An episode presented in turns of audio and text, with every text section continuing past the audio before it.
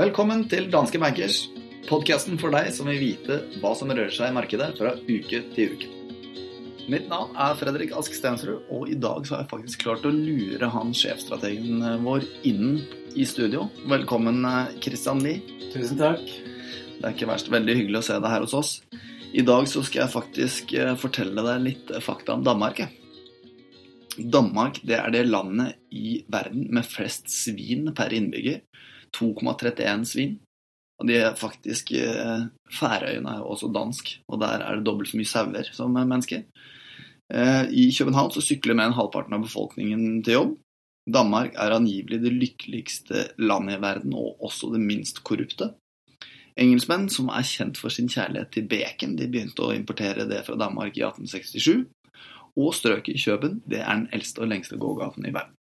Så da vet du det. Nå vil jeg gjerne vite, jeg fra deg, hva har skjedd denne uken her? Ja, Heldigvis har det vært en, eh, en positiv uke sett fra, fra aksjemarkedets ståsted i hvert fall. Og det kanskje viktigste er jo at vi fikk en opptrapping av handelskrigen, som egentlig var frykta, men den har ingen brydd seg nevneverdig om.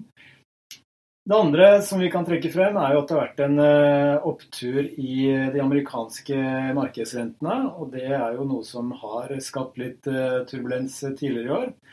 Og sist, men ikke minst, så har vi fått eh, den første rentehevingen fra Norges Bank siden 2011.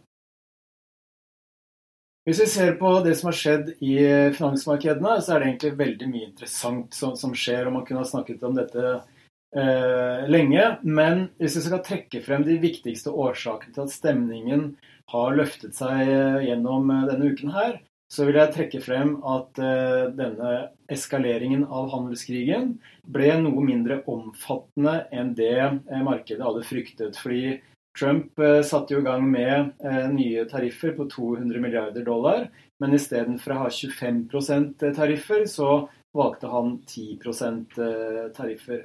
Og Dette var da bedre enn markedet hadde ventet, og bidro til oppgang i, i markedene.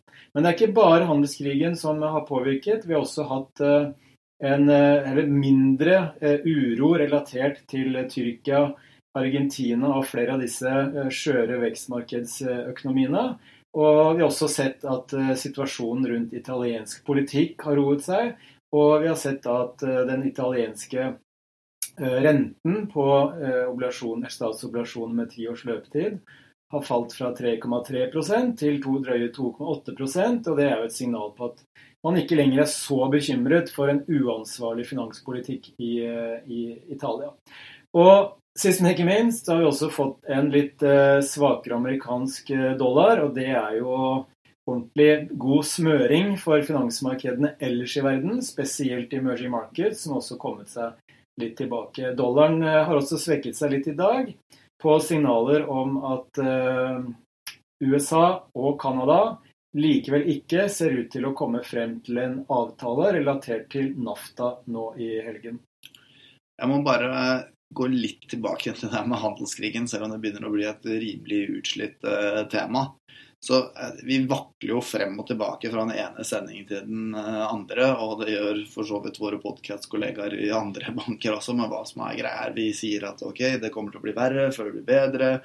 Og så den ene uka så hadde vi at nå så det så mye lysere ut for et lite løftemarked, og så går vi tilbake på det igjen. Men kort fortalt, hvis det er mulig å gjøre det, hva er neste, neste liksom, steg der nå? Ja, det neste steget er jo eh, at eh, Trump har jo lovet at dersom kineserne svarte på hans nye tariffer på 200 milliarder dollar, og det har kineserne gjort med sine 60 milliarder dollar, så vil Trump lansere ytterligere tariffer på 267 milliarder dollar. Og da dekker tariffene hele den kinesiske importen inn til USA. Og da har kineserne ikke lenger noen importer å sette nye tariffer på, fordi de eksporterer jo eh, eller importerer langt mindre fra USA enn omvendt. Og da vil vi kunne se en situasjon hvor kineserne må ty til alternative tiltak. Og da er det usikkert hva, hva som kommer til å skje, men det er klart at da har vi en sånn kall det total eh, handelskrig, som kan utarte seg i den ene eller andre retningen. Men sannsynligvis så vil en slik eskalering utover det vi allerede har nå, skape mer negativ stemning i finansmarkedene. Og før eller siden så vil det begynne å merkes i amerikansk økonomi og for utsiktene for de amerikanske selskapene. Og det vil kunne være det som får Trump til å bli litt mer moderat i politikken, og kanskje nøye seg med litt færre Eh, innrømmelser fra kineserne sin side før han blir med på en avtale. Okay. Ja, men det, det, var en grei oppsummering, syns jeg. Takk skal du ha. Ja. Ellers så har det vært eh, oppgang i aksjemarkedet, som jeg nevner. Eh, og vi har hatt eh, spesielt eh, en god utvikling for banksektoren, både i USA og i Europa. I Europa så er det bl.a. litt sånn eh, mindre frykt relatert til Italia og til dels Tyrkia som er med på å løfte banksektoren, mens i USA så er det høyere markedsrenter som er bra for bankene, for da tjener de litt mer eh, penger. Og spesielt da når de lange markedsrentene stiger. Eh, for Oslo Børs en del så har det vært olje eh, som har vært oppe og lukta på 80 dollar per fat, som har bidratt positivt. Og Hovedindeksen på Oslo Børs nå er faktisk opp eh, rundt 12 eh, siden årsskiftet. Og har dratt litt ifra det amerikanske markedet, faktisk, når vi, når vi ser på året som helhet og avkastning. Men olje er, er også veldig i, i, vinden. Vi vet jo at oljeprisen som nevnt lukter på 80 dollar fatet. Bl.a. pga. Disse kommende sanksjonene mot uh, den iranske oljeeksporten. Og interessant nok så har jo Trump i dag faktisk vært ute på Twitter og klaget på at OPEC ikke får ned oljeprisen. Så det han ønsker, det er at OPEC i større grad skal øke oljeproduksjonen for å kompensere for den oljen som blir borte fra Iran. Og det Trump selvsagt er redd for, det er jo å få en smell på meningsmålingene, fordi de amerikanske husholdningene må betale mer for å kjøre bilen sin.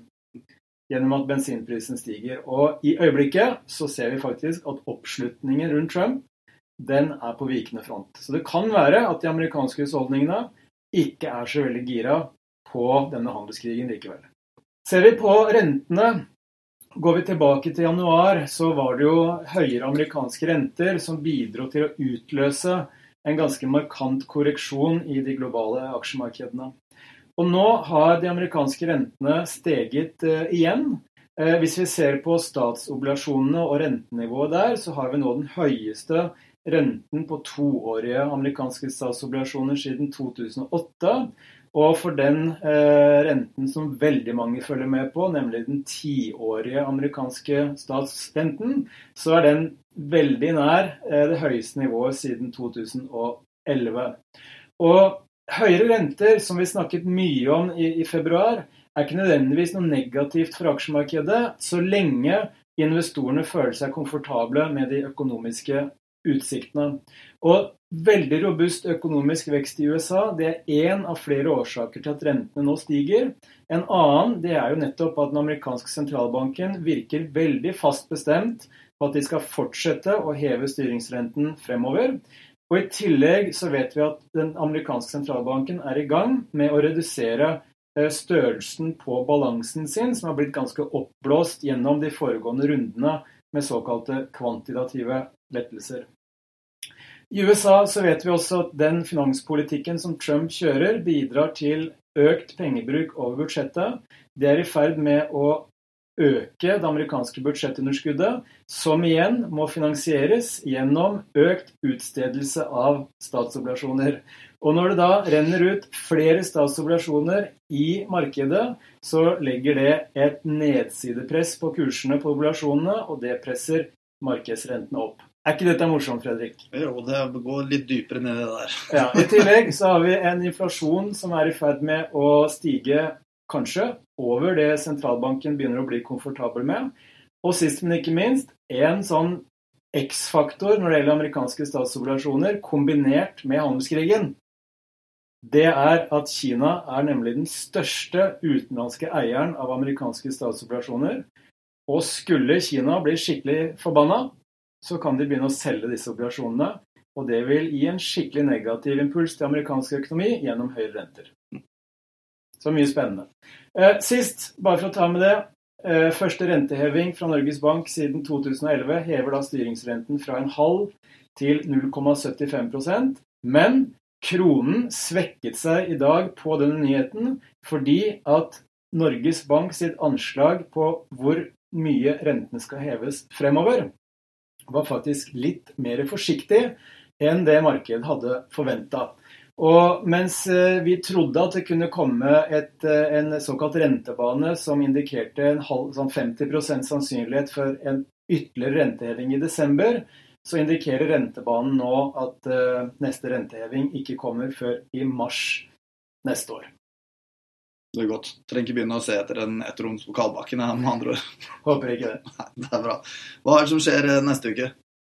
Ja, Vi får flere ting. Det definitivt viktigste er nok rentemøtet hos eh, Fed, den amerikanske sentralbanken, onsdag klokka åtte. Dagen før, på tirsdag, så får vi forbrukertillitstall fra, fra USA. Og på torsdag flere stemningsindikatorer fra eurosonen, som også kan bli spennende. Ikke verst. Vil du si noe mer om neste uke? Eh, mest eh, i forhold til rentemøtet hos Fed, så er det jo kanskje ikke så mye spenning knytta til hvorvidt de hever styringsrenten for åttende gang siden 2015 eller ei. Det det er knyttet spenning til, er hva de sier om utsiktene fremover. Om de eventuelt er bekymret for en overoppheting i økonomien, stramheten i arbeidsmarkedet, og eventuelt også bekymringer knytta til emerging markets. Ja. Har du noe uh, følelse på hvilke eller guiding de kommer til å gi? Eh, jeg tror de kommer til å forholde seg til den amerikanske økonomien, som ser veldig sterk ut, og at de kommer til å eh, signalisere en eh, fortsatt ambisjon om å fortsette å heve styringsrenten. Ja. Så ikke noe større sikt der enn det har vært noen gang når de uttaler seg, med andre ord. Tror ikke det. Det er flott, Kristian. Tusen takk skal du ha. Da skal jeg oppsummere de viktigste sakene for neste uke. Men først så tar jeg som vanlig markedsbevegelse de siste fem dager. Og da har vi Oslo Børs opp eh, ca. 1 SMP 500 opp ca. 1% og Eurostox 600 også opp ca. 1% Oljeprisen er flatt. Det viktigste vi får neste uke, det er forbrukertillit fra USA på tirsdag klokka fire. Så får vi et rentemøte i Fed på onsdag klokka åtte. Og så får vi stemningsindikatorer fra eurosonen på torsdag klokken 11. Det var alt vi hadde i denne episoden av Danske Bankers. Vi høres.